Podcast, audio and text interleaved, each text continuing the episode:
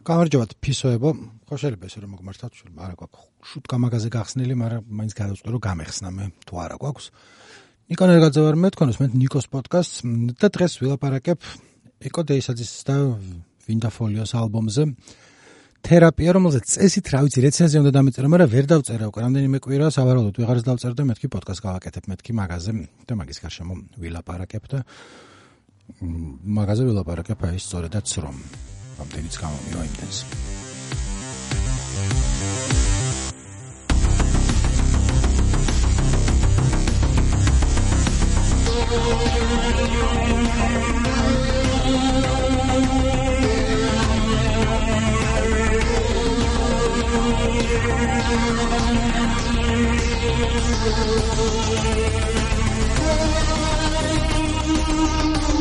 Thank you.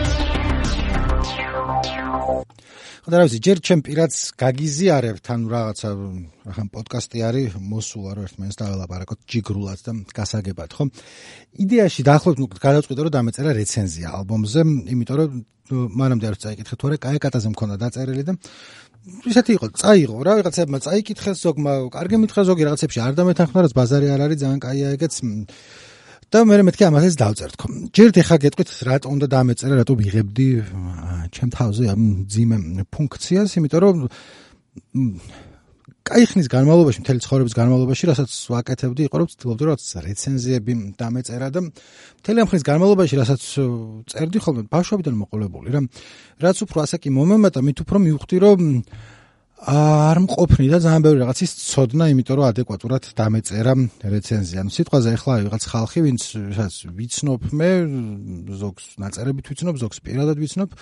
ვინც მგონია რომ მუსიკაში ჩემზე უკეთესად ერკვევა რაღაც თამდაბლობი და რაღაც კი არა, სიტყვაზე რა ვიცი რომ ლევან ძნელაძე საუზმეზე მეტ მუსიკას უსმენს ვიდრე მე წლის განმავლობაში და რაღაც მეტ რაღაცებს ხედავს იქ და სხვაებიც ხმარტო ლევანი არა. მაგრამ რაც მგონია რომ მე მაქვს ხოლმე არის რომ ხნის განმავლობაში რაღაც გამოცდილება აა შევიძინე წერის, იმიტომ რომ ბევრს კითხულობ ხოლმე ამ რეცენზიებს ხოებისასაც და რომ წერს უფრო გასაგები იყოს და რაღაცნაირად ჩამოვაყალიბო აზრი და მოკლედ მგონია რომ ჩემი ძლიერი მხარე არის ამ აზრის ჩამოყალიბება. ნაკლებად ძლიერი მხარე არის ამ აზრის ქონა, ოხერი, იმიტომ რომ მიჭირს ხოლმე რა რაღაცებს რომ უსმენ რაღაცაში ცოდნა არ მყოფრინც რომ ვიცოდე იქ რა არის კიდე ჩადებული რასთან არის რეფერენსი თუ რა ქვია იმას გადაძახილი თუ რა ვიცი როგორც კიდე მაინც ეკოს და ვინდაზე კი რომ ზოგადად ვამბობ ხოლმე რა და ამიტომ ერთი მხრივ თან ვერიდები რომ წერო იმიტომ რომ რაღაცა არ მგონია რომ აკდენი ვიცი რომ წერო მაგრამ მეორე მხრივ ახლა დე რაღაცებიც ვიცი ეგრე არ არის ამიტომ ხანდახან ვაძლევ ხოლმე თავს უფლებას რომ რაღაც დავწერო ვიცი რომ სხვა მაუკეთესად იციან მაგრამ მგონია რომ წერა მეუკეთესად ვიცი და ამიტომ რაღაც მაგ შუა ამბებში ვარ ხოლმე რა. და ასე ვცდილობ ხოლმე რომ რაღაცნაირად ვაჩვენო რომ ცოტა ძალიან ისე ხარ გიზიარებ მე წერ ხოლმე თუ რაღაცა მაგრამ ახლა მისმეთ ესე გაინტერესებთ და რა გიზიარებთ რა ისე არ ვლაპარაკობ აღმატებული პოზიციიდან დედას გეფიცებით. თქვა კაიკატაზე რასაც წერდი ჩემი აზრით მნიშვნელოვანი იყო რომ შინაარსზე მეტად ანუ რაც მე დავინახე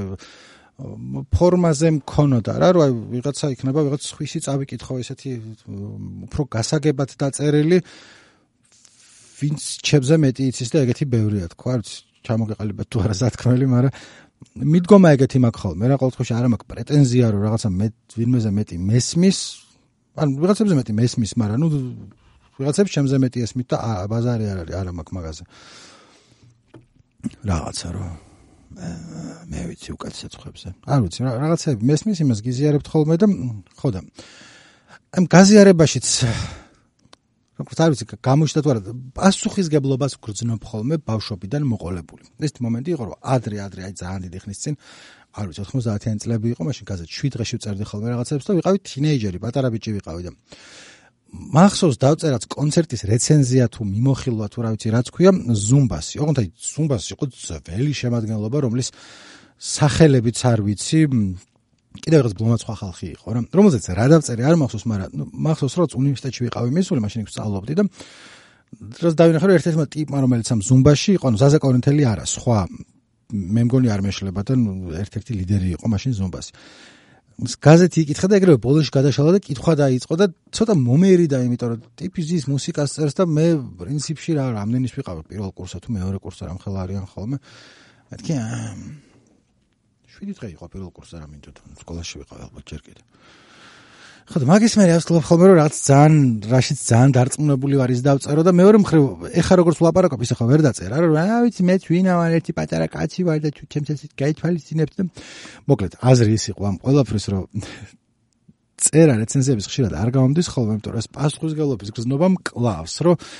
თვითონ ავტორზე კი რაღაც თან ხო ბევრი არის წერება რა რაღაც რამდენიმე სტატია არის ხოლმე სულ და ამიტომ რასაც დაწერან კარგი უნდა იყოს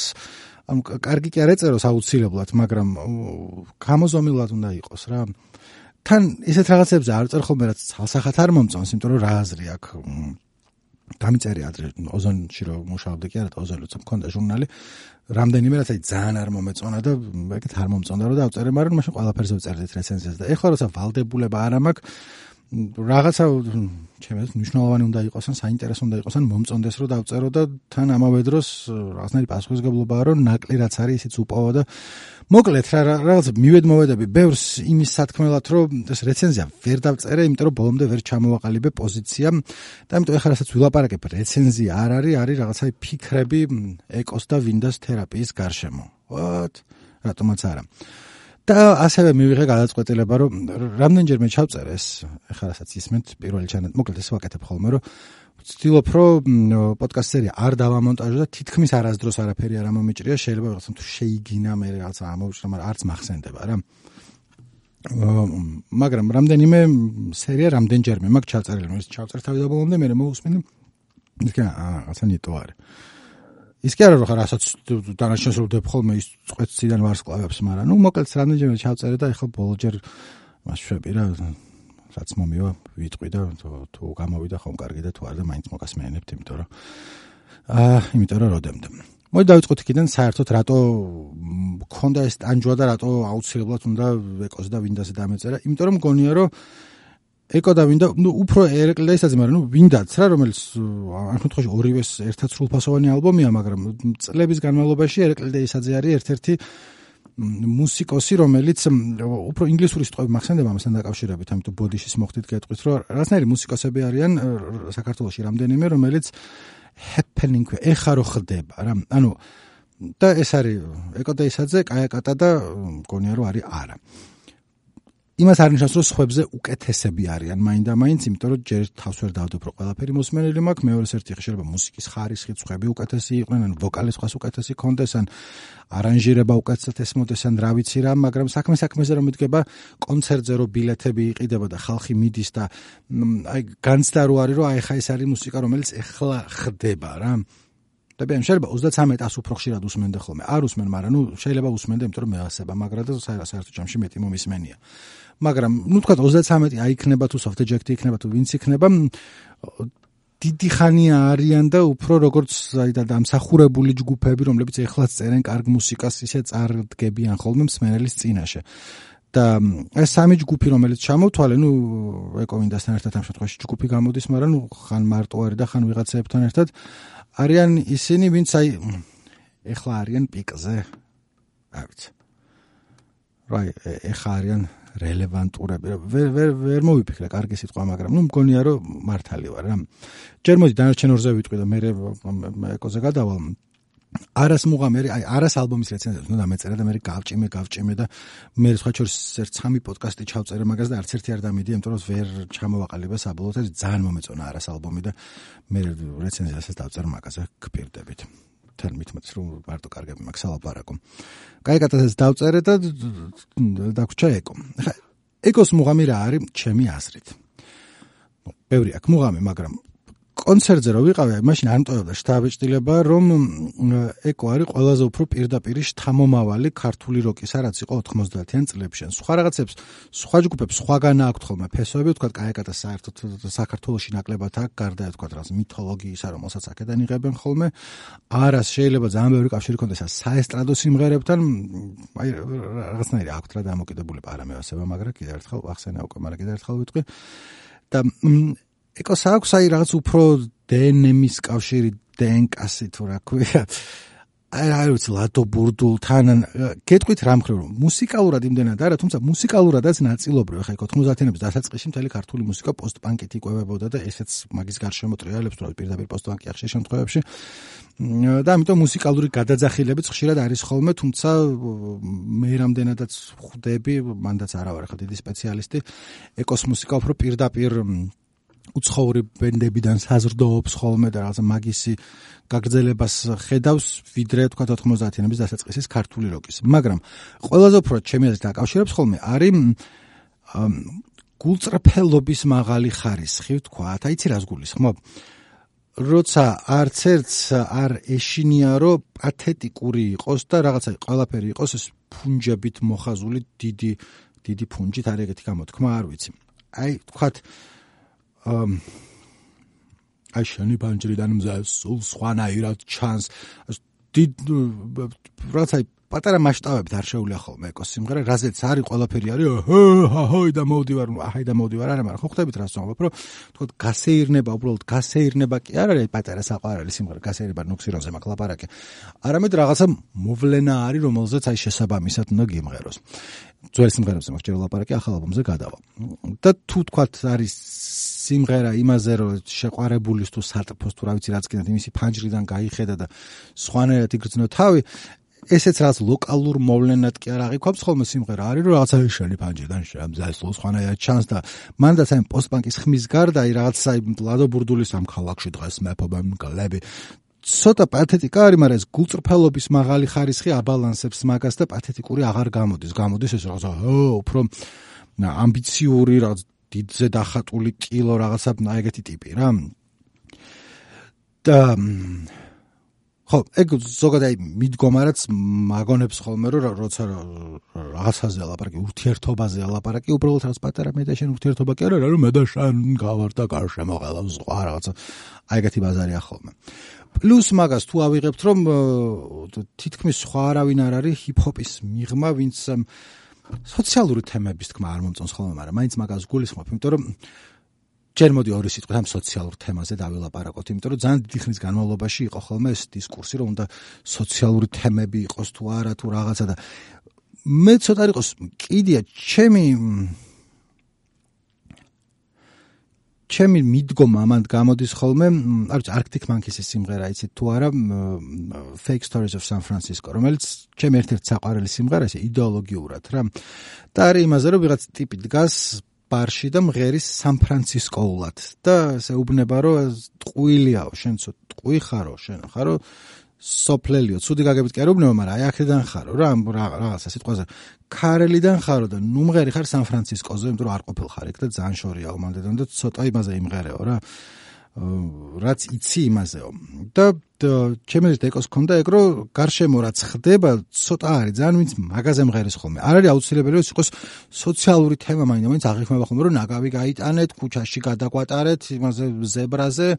და რატო არის არაფორმალური მართლობა და რა ვიცი და არ არის აუცილებელი რომ მაღაზე იყოს ჩემი აზრით არის უნდა იყოს იმაზე რომ რაც რავი, რაზეც ეკამათები ხოლმე ვიღაც Facebook-ზე, რასაც კი ვარ, რაზეც პრინციპში მე რომ მოვისმენ, ან ჩემ თავს დავინახავ, დავინახავ საიდან მოდის და არ ამგონია რომ ყოველთვის მაგას გადასარევად აკეთებდეს და ძალიან ზუსტად ეკო იმას მომფრა სუფთად მართალია თუ არა რასაც მღერის იმას და არა რამდენად კარგად ამბობს. სიტყვაზე სისტემა უნდა დაინგრესში თავისაში და არა მე ყველა რო არიან იმაში როცა მღერის რო ძალაუფლება ასფალტის მუშებსო მე ჩემი პოლიტიკური მიდგომით ვაფშე არ არ ვიცი, რა ცოტა შეიძლება ის გამომდის, მაგრამ მუშებთან ვისაც ქონია ურთიერთობა და რემონტი გაუკეთებია და ქუჩაში ჭავჭავაც რაც ხდება უნახავს, არანაირად არ ვარ მომხრო, ძალაუფლება ქონდეთ ასფალტის მუშებს და არც მქონია რომ მზად იყვნენ მაგისტრის, ხო, მაგრამ იმის გამოთქმა ვის არის კაპტან ბიფარტის თუ არ ვწდები რომ არა აქ მშობობა რას ამბობს სცენი და მთავარია როგორ ამბობოდა. ეკო როგორც ამბობს ხოლმე მაგ რაღაცებს კარგად ამბობს რა ქარიზმა აქვს სცენაზე დგას კარგად და სცენაზე მარტო ლაივს არ გულისხმობ მიკროფონებს ხელში უჭირავს. ეს აქ რო უნდა ეჭიროს ხელში. ბოდიშებს კარგიც რო ჩემსავით ხა პოდკასტ რო ლაპარაკო რა ბადი შეხე მე ვინე რო ვილაპარაკო გას და უნდა ილაპარაკოს და კარგი თვისება არის რა როკ მომღერლის ან თუ ნებისმიერი სხვა ჟანრის მომღერლის ხელში. ხო და კიდევ ერთხელ ვთქვა რაც არ რაზეც ბოლომდე არ ხურდები ხოლმე ვთქვა ძველ ეკოს შემოქმედებაში რომ ისევ სისტემა უნდა დაინგრეს მოუბრუნდები რომ ჩვენ ვითხოვდით მის უდიდებულესობას სამოქალაქო საზოგადოებას ცოტა ზედმეტად არ მგონია კარგი ლექსი ასე ვთქვათ რა მაგრამ ეს ხო არ არის ლექსი სიმღერა არის და მან ინტონაციას და გამოთქმას და უკან მუსიკას და რაღაც ყველაფერს ერთად აქვს. ძალიან დიდი კავშირი. ძალიან ბევრი რაღაცა ტექსტი სიმღერის დაწერილი რო წაიკითხო არ არის არანაირი პოეზია აქ მაგრამ მაგას არ აქვს მნიშვნელობა რა ასწორებს ხოლმე დრო და ეკოსაც უძველდება რომ უკან გაიკეთეთ თქვენი თავისუფლების ქარტია გასოთ წინა ძველი სისტემა უნდა დაინგრესიდან ყველანი როცა არიან მან და აი რაღაც დროს თავისუფლების ქარტიაც აწოლებს მაგრამ აი ეს გულწრფელობის ხარისხრაზე თავიდან ვილაპარაკე რომ აქედან ყვერებიდან მღერის ხოლმე რომ აი რასაც ხავ ამბობ რომ აგორით ხელში და თან ეს ავთენტურობის მომენტი რომ შევეძლოთ ხოლმე არ არის აუცილებელი რომ იყოს არ არის აუცილებელი თვითონ ეკო და ისაც იყოს აგურით ხელში დამდგმელი ტიპი. რომელიც შეიძლება მომენტ არის შეიძლება არ არის არ ვიცი მაგრამ არ არის რა აუცილებელი რომ შეყვარებული იყო როცა სიყვარულზე წერს სიმღერას. და არ არის აუცილებელი რომ მაინდა-მაინც რევოლუციური ცხოვრებით ცხოვრობდე ძმაო შეიძლება ისე ატრაკებდე რა ხო რა. და მაგის მიღმა აა რაც აქვს ხოლმე ეს ეკოსაკ ძალიან მაგარი ყური აქვს სკანდალის კი არა რაღაცეების რაც მოხვდება ხალხს. ხან ყოველთვის არ გამოსდის ხოლმე მაგრამ როცა გამოსდის ეს ნარკა და კადა და კადა და მაქსიმღერის კრიტიკა მომისმენა ხოლმე რომ კარგი რაც არის მელოდიური ნაწილი მაგისი არ არისო და არ არის ეგ სწორი მეტყვი ხო არ არის მაგისი აღებული აქვს სემპლი აქ აღებული და გადაკეთებული აქვს მაგრამ მთელი თანამედროვე მუსიკა მაგაზე აგებული რა. ანუ რა არის ჩემი და რა არ არის ჩემი და ვინ ეგ ის არის აღარ არსებობს ეგ თუ შეცვლი და შენად მოირგებ და ისე გააკეთებ სხვა სიმღერაა და ეს სხვა სიმღერა ეგრე არის მოყოლებული 90-იანების დასაწყისიდან ეს არის ჩემი ძირითადი აი თქვა რაც მგონია რომ რატო არის ხოლმე როცა ახალ რაღაცას აკეთებს ერეკლე დეისაძე ამ შემთხვევაში ეკო და ვინ დააკეთებენ იმიტომ არ არის მარტო ერეკლე დეისაძე ალბომი და ძველი რაღაცეები რაც ულაპარაკე მოდი ვინდასაც შევეხები ეკო სხვადასხვა პროდიუსერებთან თუ სხვადასხვა ხალხთან ქონიან თანამშრომლობა და ჩემი აზრით თქვათ არანაკლებ ნიჭიერ ხალხთან ვინდა მაგრამ ევასება მაგრამ სიტყვაზე კუნდალინიც ძალიან ნიჭიერია რაღაც მაგარ რაღაცებს აკეთებს ხოლმე და ეკოსაც კარგად მოერგო მაგრამ ვინდასთან ერთად სულ სხვა არის ხოლმე რა. ძალიან სხვანაირად უგებენ ერთმანეთს და აჯდება ერთმანეთს მუსიკა და რაღაც როგორც ჩანს საერთო ინტერესებიც აქვს ერთად მუსიკალური და კაია რომ ერთად ჩაწერეს ალბომი იმიტომ რომ ამ ალბომის აი ლომის წილი რაც კარგი აქვს მე მგონია რომ ვინდაზე მოდის იმიტომ რომ ახლა გადმოდივარ უშუალოდ ალბომზე. რომელზეც გადავწყვიტე რომ სიმღერები არ გაუშვა რამდენჯერმე წინა ორი რო ჩავწერე ქონდა გაშვებული და არ მომეწონა ცოტა იმას მიუყვები ჩემი ნესვა კაცის მაგალითს. იცით თუ ნესვი არ იცით დაგუგლეთ მელონი ვინ არის რეცენზიებს აკეთებს ხოლმე YouTube-ზე needle drop. აა ხო და მოკლედ საერთო შეფასება ამ ალბომის არის რომ ეკო და ვინ რაღაც რო აკეთებენ ცუდი ცხადია არ არის. კარგია ცუდი არ არის რა უნდა დავიწყე არ ვიცი კარგია მაგრამ ყოველდღე ამ ფრაზას ვერ ვიტან, მაგრამ მაგითი დავიწყებ, რომ აი უფრო მეტს ველოდი ალბომიდან ვიდრე იქ დამხვდა და ეხლა ვეცდები რომ ავხსნა უფრო მეტი რა არის. პირველ რიგში მუსიკას ეგ არ შეეხება, ნუ კარგად გაკეთებული ალბომია, დამუშავებულია, მიქსინგი კარგად არის გაკეთებული, რომ უსმენ, ნუ კარგად ისმინება რა, რაც ბევრ უცხოელსაც არ აქვს ხოლმე, ნუ საკაიფოთ არის გაკეთებული და სიმღერები ცალ-ცალკე აღებული ყველა კარგია, მაგრამ საერთო ჯამში თვითონ ალბომი როგორც აი მთლიანი შეკრული ტიპი მიუხედავად იმისა, რომ არის კარგი ზომა, 10 სიმღერა არის, სულ ცოტა არ იყოს აი მას შვება ხოლმე, რა ბევრი ჩავარდნა კი არა, ცოტა აი მოსაწყენი მომენტები აქვს, ბევრი რომელიც წესით არ უნდა გქონდეს. ჯერ მოკლედ ზოგად მიმოხილვას გეტყვით რომ რა არის ეს ალბომი? 10 სიმღერა არის ჟანრობრივად რაღაცა ვთქვი თეთრი პოსტპანკი და ბაზარი არ არის შეიძლება არის არ ვიცი ეგ რა არის რა მაგრამ რაღაცა ეს ანუ შოუბა აქ რა ჟანრი რაღაცა პოსტპანკია რაღაცა შეიძლება გავს შეიძლება არ აკავს არ მაქვს მაგდენი მოსმენელი. მაგრამ რაც და ხო ძირითადად არის სიმღერების სიყვარულზე. ცუდ პონჩი არ ვამბობ მაგრამ პირველი აი რაც მგონია რომ არ იყო ამ შემთხვევაში ძირითადად ეკოს ძლიერი მხარე, იმიტომ რომ ვინდას მაქნუ ჩავარდნა არ ქონია. იყო ის რომ რას თავიდან თქვი ხო რომ ეკო საქოლმე უფრო გლობალური სიმღერები, რომ აი რაღაცა რო ხდება, ოჰო, ყველგან ხდება და აი ესე დიდად დიდი ნახაზები თუ როგორ ამბობენ ხოლმე იმაში სახვით ხელოვნებაში მაგას ფუნჯის დიდი მოსმებით არის ხოლმე გაკეთებული და აქ ამბები არის უფრო ლოკალური, უფრო პატარა მომენტებზე არის ყურადღება გამახვილებული, რომელიც როგორც ჩანს არ არის მთლად აი ძალიან ეკოსლიერი მხარე რა. აქა-იქ არა უშავს, მაგრამ მე ვარდება ხოლმე და აი თქვათ ერთ მაგალითს გეტყვით რა, არის სიმღერა მეორე სიმღერა ალბომში უსასრულო თქვია, რომელიც იწყება კაი ხან ერთი 25 წამი თუ რაღაც არის, არ დამინიშნავს, მაგრამ ნუ სულ არ არის, მაგრამ მოკლედ რა ვინ დაიწყებს კაი ხნის განმავლობაში შედის და ნუ შედი დრამატული მუსიკას პოსტმანკი თავისთავად იმას შვება, რა რაღაც განგაწყობს, რომ აი ხა რაღაცა რაღაცა არის რა, დრამატიზმი აქვს. და მე ეკო იწყებს სიმღერას, რომ შენ ამოხვედი ზღვიდან და შენ იყავის სველი, გაკვირდებოდი სანამ ტანზე გამოიცვლიდი. და როცა ავღელდი მე მაშინ აღელდა ზღვა და მე რაც შენ კი იყავე მშვიდი ზედმეტად მშვიდი და მე ელოდმენ დასაწყისი კარგია ახლა შენ ამოხმედი ზღვენ და შენ იყავის სველი არ გავგიჟდი მაგაზე მაგრამ ნუ კაი ხარ გამოედავები რა სიმღერა მიდის რა. და გაინტერესებს რა ხდება. და მე სიმღერა მიდის არსად რა რომ რაღაცა მისამღერის რაღაც მუსიკის მე რა სადღაც წავა თავი რაც აი მაგიტო არ დავწერე რომ ვერ ჩამოაყალიბები აზრები, მაგრამ რაც ახლა თქვი ელოდები ხო რომ რა ხდება სიმღერაში. არ არის აუცილებელი რომ რაღაცა ხდებოდეს პოეზიის ან პროზის გაგებით, შეიძლება ემოციურ დონეზე იყოს, ანუ ბოლომდე არ იყოს გასაგები, მაგრამ აი რაღაცა ამოხვედი ზღვიდან იყავი ზედმეტად მშვიდი, ესე რომ რატო იყო ზედმეტად მშვიდი, ხო? და აი ნახევარი წუთის მერე გრძელდება სიმღერა არსად, რომ შემღერო აღებ კარებს და ხედავ როგორც ცემს ჩემი გული, აღარ თვლემს სიყვარული, მე მოვედი შენთან და მე რაც მუსიკა გრძელდება და არის მისამღერი რომ უსასრულო იყოს მინდა ჩემი კოცნა შენს კისერზე რომელიც არ არის ისე გოიმური როგორც ჟღერს ამ სიმღერაში საკაიფო ჟღერს მაგრამ აი მაინც ახლა უსასრულო იყოს ჩემი კოცნა შენ კისერზე ცოტა ძალიან მე ქუჩის ბიჭება იმის მე რაც თავი ახდებოდა რომ კი ბატონო მაგაზე იყოს არ არავინ არ ითხოვს რომ მაინდა მაინც სუბვერსიული იყოს და ყოველ ჯერზე რაღაცა ჩემი კოცნა მაგრამ აი ეს ზედმეტად მშვიდი რაღაცას მიშვება, განმაწყობს, რომ სიმღერაში რაღაცა ხდება, რატო იყო ეს ხალი ზედმეტად მშვიდი და აღმოჩნდება, რომ არა, просто ეგრე იწება სიმღერა და მე არსად არ მიდის. არსად არ მიდის, მაგრამ მიდის იმაში, რომ უსასრულო მინდა რომ ჩემი კოცნა იყოს შენ კისერზე და ამ აა ალბომში არის ბევრი ეგეთი მომენტი. რა, ის სიტყვაზე ემოციურ ტყვევაში მეორე სიმღერა არის, საკ კიდევ ერთხელ ახლა ეხლა რასაც ულაპარაკებ, შემდეგ 5 წუთი არის უფრო ნეგატიური მხარე, მაგრამ მაგას პოზიტივს აქვს ცუდი სიმღერას უსასრულო ცუდი სიმღერა არ არის ცუდი არც ერთი არ არის მაგრამ არც რავი უკეთეს შეიძლება და ბავშვი ვერ ვიტან ამ გამოთქმას რა მოკლედ ემოციურ წყობაში წება ესე რომ ახლა როცა ამ სიტყვებს მღერივ გავარ როგორც დაუცველი ძეგლი და სხვანაირად განეწყობით ან მუსიკა არის დრამატული რაღაცა და უფცებ აი პირად იმას შვები რომ აი რაღაცას გიზიარებს ეკო რომ ეხა ამ სიტყვებს მღერი დაუცველი ძეგლია. და მე გრძელდება რომ რა რო ჩემს ხეულში შემოსვლას ველი თუ შენს ჩემს ხეულს მე რამდენი დაემსგავსა შენი კოცნა. შენობას ვერ გავიგე რას ამბობს თუ? ამ შენობას არ მგონია რომ მაგას ამბობდეს რაღაცა რომ მე ემოციურ ტყვეობას ვანიჭებ ნიშნულობას და თავიდან სიმღერა იწყება რომ ტიპი გეუბნება რომ აი გავარ დაუცველი და ელოდები რომ ცოტა სული უნდა გადაგიშალოს. არ არის აუცილებელი რომ მართლა გადაგიშალოს, მაგრამ სიმღერაში თავისი რაღაცა რა იყოს რა. და მე მაინც იყალოზე მიდის ეს სიმღერა.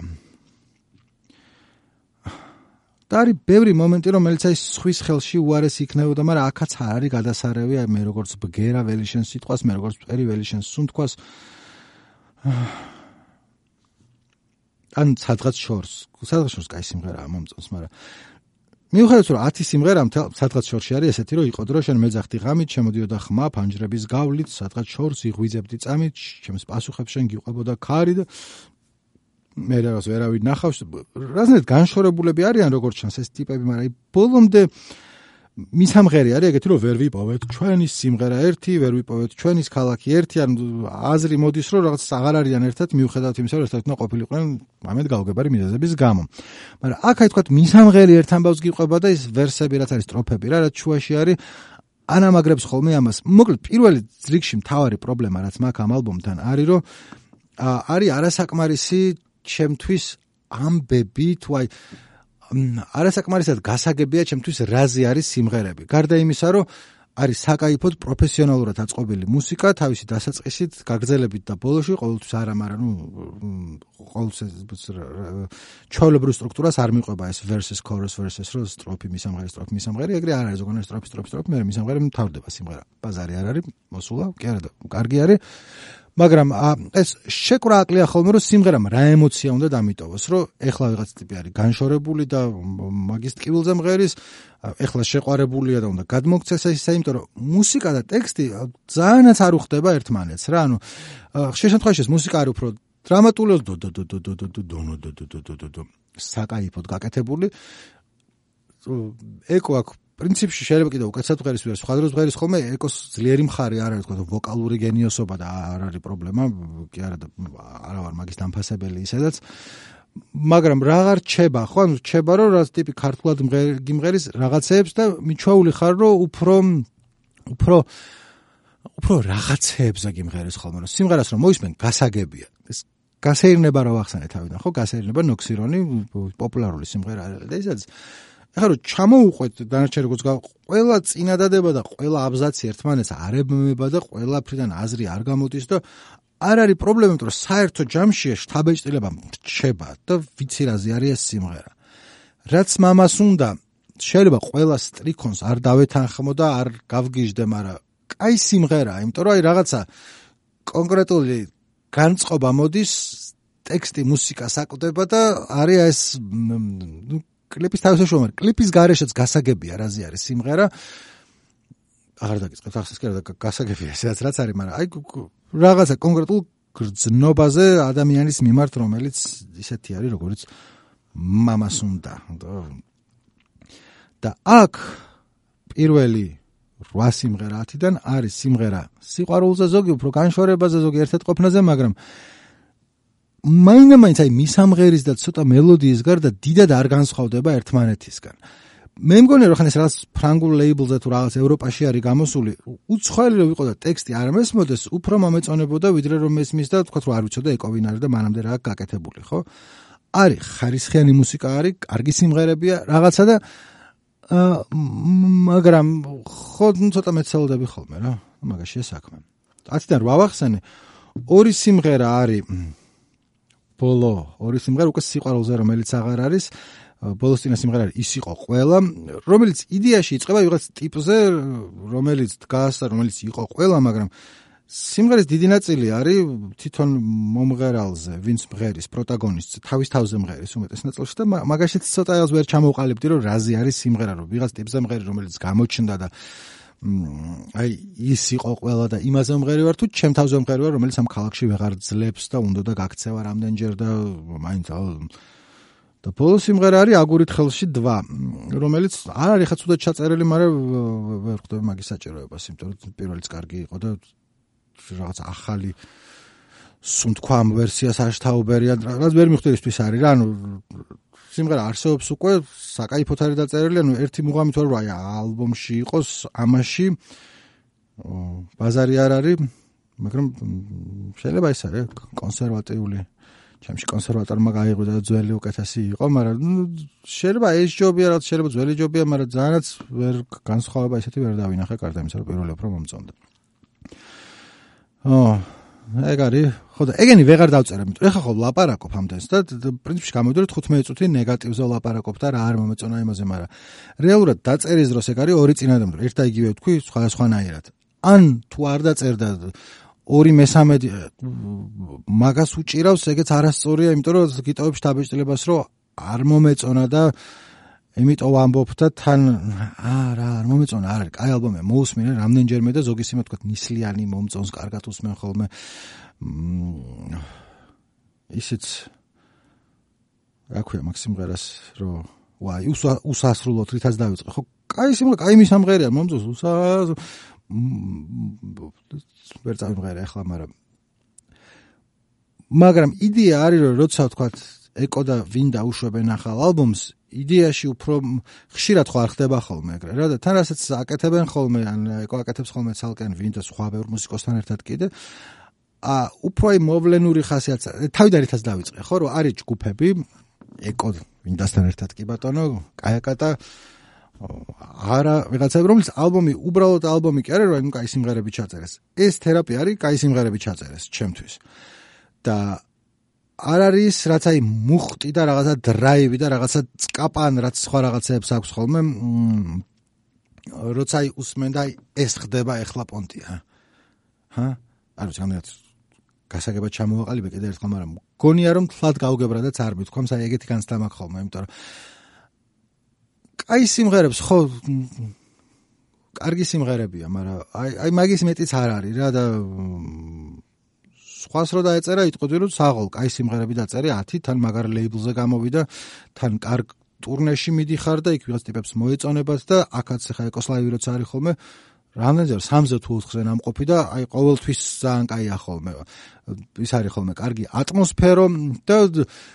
მომისმენია თქვა ერეკლი ესეც კრიტიკა იმ პონჩი ხო ვინდას არ ეხება ვინდა კაი მუსიკოსია რომ ეკო ბევრ სხვა სხვა რაღაცებს ედება ხოლმე თქვა რაღაცებს წერს რაღაცებს ამბობს და სიტყვაზე თქვა გადასარევი ვოკალისტი არ არის რა ვიცი მე რობერტ პლანტი თუ რაც ქვია იმას და ნუ ხო არ არის მაგრამ ნუ მაგაზე ხო არ არის არ მას ხო არ მღერის stairway to heaven თუ რავი რაც ქვია რომ აა მაინა მაინც რაც რაც აქვს შესაძლებლობა იმის ფარგლებში აკეთებს ხოლმე და ბევრი სხვა მუსიკოსია ეგრე რომელიც ძალიან მიყვარს და არ მგონია რომ ეგ ვალიდური კრიტიკა იყოს ხა ის რომ სარახა ლუჩიანო პავაროტი არ ნიშნავს იმას რომ მე არ იმღერო ვიღაც ხებს ხო ალბათ ერთი 100 კაცია საქართველოსში რომელიც ეკოზე უკეთესად მღერის იმ ხრო უკეთესი ხმა აქვს ან უკეთესად შეუძლია რაღაცა გააკეთოს ნაკლები შეეშალოს მაგრამ მე რა დარწმუნებულია რომ შოუებში რო გამოდიან ხოლმე ექს ფაქტორებში და რაღაცეებში ბარეურს კი არა ალბათ სულ ყველა უკეთესად მღერის ეკოზე ტექნიკური თვალსაზრისით, მაგრამ რომელს უფრო მოусმენ, ხო? არ არის ტექნიკურ თვალსაზრისით უკეთესი სიმღერა, ვოკალისტობა მაინდამაინც დიდი პლუსით დანარჩენი თუ არ აქვს. აქვს აქ ხოლმე დანარჩენი. აქაც აქვს, მაგრამ რა ვიცი, ბოლო სიტყვები რო ვთქვათ, უფრო ამბიციური რო ყოფილიყო ეს ალბომი, იმიტომ რომ სხვა სიმღერები ეკოს აქ ხოლმე იმენა ამბიციური, კაი გაგებით და არის ხოლმე შემთხვევები, როდესაც სიმღერა ჩემი აზრით არ გამოუვა და არ არის ესეთი კარგი, როგორიც ადრე მქონდა პოდკასტში ლაპარაკი, არც მოსმენელი გაქვთ თუ არა, ჩვენ ვითხოვთ დრაგებს, არის ეკოს სიმღერა. რომელიც სიმღერად კაია, მაგრამ ტექსტი იმდენად ჩემთვის მიუღებელია, მიუღებელია ნარკოტიკების წინააღმდეგ მებრძოლი კი არა ვარ, მაგრამ ეს მისამღერ ჩვენ ვითხოვთ დრაგებს, ჩვენ ვითხოვთ დრაგებს, კუთვნილ ამანათებს. ცოტა მეცინება მაგას რა ჩვენ ვითხოვთ დრაგებს. მაგრამ ეგეც კი უფრო მომწონს, იმიტომ რომ აი რაღაც გაიქაჩა რაღაცაზე ჩემი აზრით არ გამოუვიდა ტექსტის მხრივ, მაგრამ ჯობდა რომ ეცადა ვიდრე არ ეცადა. კაია რო ქნა, ყველაფერი მოსაწონი არ იქნება რა, მოსაწონი უნდა ვაკეთოთ, მაგრამ ხანდახან შეეჭიდები მაღლა და არ გამოვა ისე, მაგრამ ნუ ხო შეეჭიდე და აქ ჩემი აზრით თავიდანვე თამასა იყო უფრო პროფესიონალიზმზე და კარგად ჩაწერილ სიმღერებზე და რაღაცნაირად დამუშავებულ საუნდზე და აი მე სიმღერა რო გამოსულიყო რომელიც ყველა ეს მიზანი მიღწეული ალბომში ახლა ჩემი მაგრამ რაც იქ ვილაპარაკე განაცუდია და არამოსაწონია რამე მაგრამ აა გონია რომ უფრო ფრანგებისთვის არის ეს ალბომი ვიდრე ქართველებისთვის. კი რა ვამბობ რომ ეკო სტუდიაში იყო და ვინდა ფრანგებზე ფიქრობდნენ და ჩვენზე არ ფიქრობდნენ, არ მგონია ეგრე. ანუ არა მარტო არ ვამბობ ეგრე, არ მგონია, მაგრამ საბოლოო ჯამში გამოვიდა ეგრე. იმ ხრივ რომ აი კაია, კარგად შეფუთული სიმღერები, დამუშავებული ყველაფერი, მაგრამ ცოტა მეტი ყვერები გინდა რა ადამიანს რა. ანუ რაღაცა რაც ცოტა იმას გიზამს, მოგხოდავს და და არ იქნება თქვა რაღაცნაირი პოსტპანკი რა ნო რომელსაც ხა 10 სიმღერას თავიდან ბოლომდე აი რამდენჯერმე რეცენზიის ხათრით მოусმენე, მაგრამ არ მოусმენ. სხვა რაღაცებს მოусმენ და იარეს დავაი ჩავუსვავ თავიდან ბოლომდე, ყველაფერი კი არ მომწონს არც იქ, მაგრამ ის არის რა, არათანაბარი მე მგონია რომ წინა სიმღერებში ბევრგან უფრო მეტი თქვა ხარვეზი აქვს მუსიკალური სუფთა თვალსაზრისით რომელსაც ვერ გავამახვილებ ყურადღებას იმიტომ რომ არა ვარ მაგის სპეციალისტი მაგრამ აი ეს რაღაცა ხარვეზები და ცოტა ხულიგნობა და ესეთი მიდგომა უფრო ხდება ხოლმე ვიდრე ბოლომდე გაშალაშინება და გაპრიალება და აა